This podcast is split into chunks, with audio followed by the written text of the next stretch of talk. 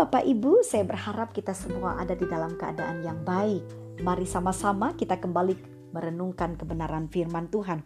Firman Tuhan hari ini terambil dari Amsal pasal yang ke-20 ayat yang ke-6. Banyak orang menyebut diri baik hati, tetapi orang yang setia, siapakah menemukannya? Kalau saya mau simpulkan ayat ini Bapak Ibu, ayat ini bisa memberikan pengertian kepada kita gini loh, bahwa orang yang baik hati belum tentu dia setia. Nah, sebab itu betapa penting kita mempelajarinya. Karena untuk kita mengikut Tuhan, kita perlu kesetiaan Bapak Ibu. Waktu Tuhan Yesus memberikan gambaran siapakah yang diterima oleh Tuhan, itu adalah hamba yang baik dan setia. Ini sangat penting sekali. Bukan hanya sekedar baik, tapi harus ada kesetiaan. Nah, kalau saya perhatikan di dalam Amsal pasal 20 ayat 6, kata setia dalam bahasa Ibrani memiliki beberapa pengertian. Yang pertama, kata setia itu bicara tentang aman. Jadi kalau saudara adalah orang yang setia, harusnya orang-orang yang di dekat saudara itu merasa aman. Ya, karena tidak mungkin ada pengkhianatan. Jadi setia itu adalah satu sikap yang membuat uh, satu situasi aman. Dan saudara, pengertian yang lain dikatakan adalah dapat dipercaya. Bapak Ibu kalau bicara dapat dipercaya berarti orang itu mengerjakan segala sesuatu dengan maksimal. Saya percaya orang yang setia bukan hanya sekedar melakukan apa yang dia sedang kerjakan, tetapi dia harus melakukannya dengan sungguh-sungguh. Jadi kalau sepertinya saya melihat oh orang itu setia ya, dia setia pergi ke gereja, dia setia melakukan ini dan itu.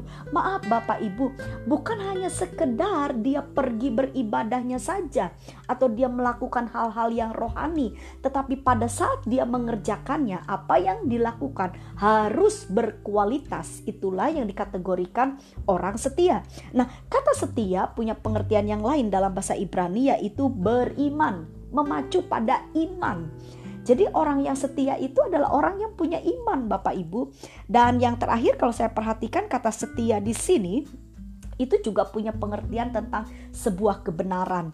Jadi kalau saya dengan Bapak Ibu benar-benar ingin memahami sikap yang dikatakan setia, itu bukan hanya sekedar sebuah perbuatan yang terlihat di luar. Kalau saya perhatikan kata baik hati, karena di sini kan berapa banyak orang yang bicara bahwa dia adalah orang yang baik hati. Nah, kata baik hati dalam bahasa Ibrani Bapak Ibu itu memacu kepada pekerjaan atau perbuatan-perbuatan baik atau sikap yang ramah.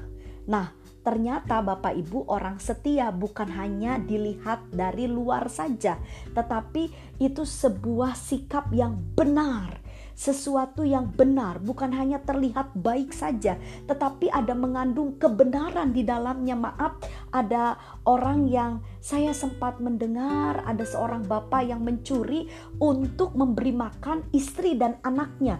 Mungkin kalau kita simak uh, cerita ini kelihatannya oh bapak ini sangat baik.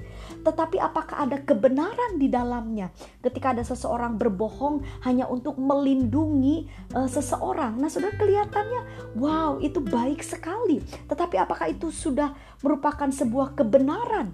Nah Bapak Ibu kebenaran yang sejati ada di dalam Tuhan Sebab itu tentunya semua yang kita kerjakan harus sesuai dengan firman Tuhan.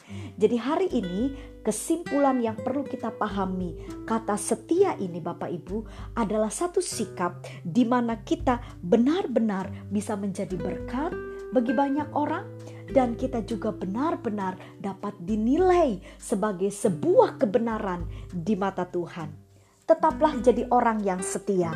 Saya percaya Bapak Ibu waktu kita menjadi pribadi-pribadi yang setia di hadapan Tuhan, pasti hidup kita akan jadi terang, jadi berkat bagi sesama.